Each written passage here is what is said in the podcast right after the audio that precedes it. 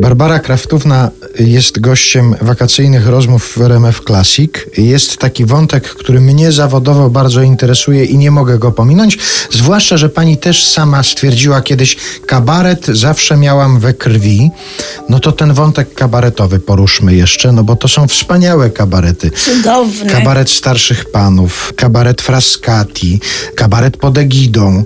Fantastyczne rzeczy pani tam wyśpiewała, opowiedziała. Zresztą chyba na pewno w kabarecie starszych panów i w kabarecie pod egidą najwięcej pani śpiewała. Piosenka była najbardziej charakterystyczną formą. W zasadzie tak się to rodziło wtedy, piosenkowo.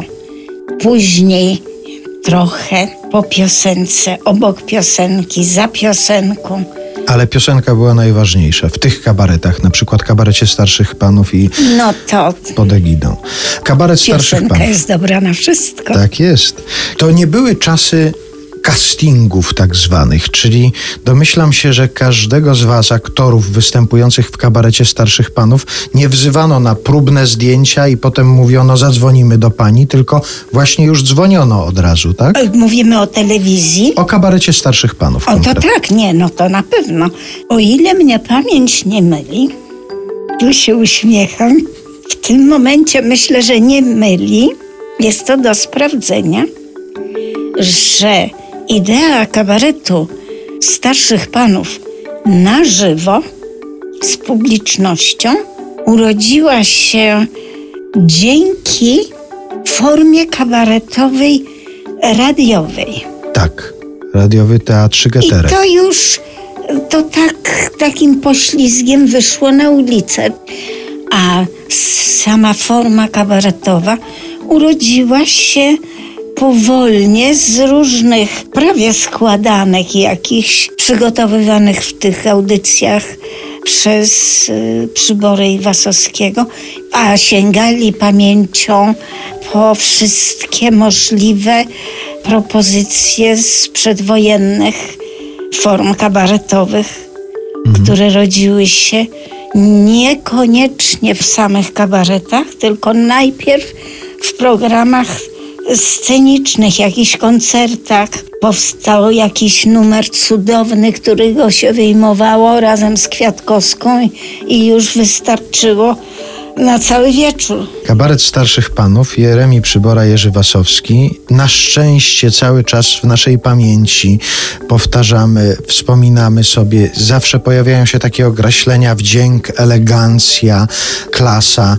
No ale Jeremi Przybora i Jerzy Wasowski to też byli ludzie. I ja się zastanawiam, czy naprawdę nie zdarzyło się nigdy, żeby jakaś awantura się na planie odbyła, żeby któryś z panów, albo pan Przybora, albo pan Wasowski użył jakiegoś mocnego słowa? Kiwam głową Nigdy. na nie, na nie. To było takie, jak na ekranie było poza tym No, ekranem. no, na nie, no po prostu wiadomo było, że na nie. Chyba, że wpadłaby jakaś grupa wandali, nie, nie aktorów, to może by umieli nawet znokautować eleganckim słowem najstraszliwszych chamów. Ale wtedy się jeszcze wandali do telewizji nie wpuszczało, tak? No, ale mój Boże, to, należy być przygotowanym na wszystko.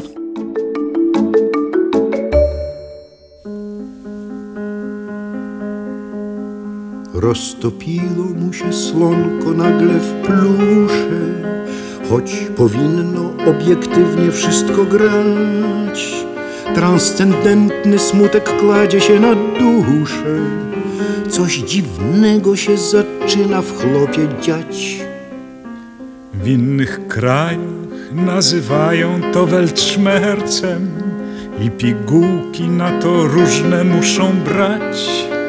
A Słowianin z duszą jasną, rzewnym sercem musi na to wziąć i komuś Mordę dać, w mordę dać, mordę dać, musi komuś w mordę dać. No tak.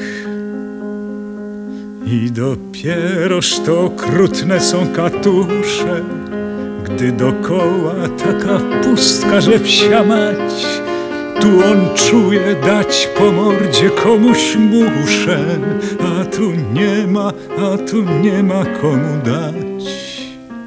To nie musi wcale być antagonista. Taki facet na uboczu możesz stać.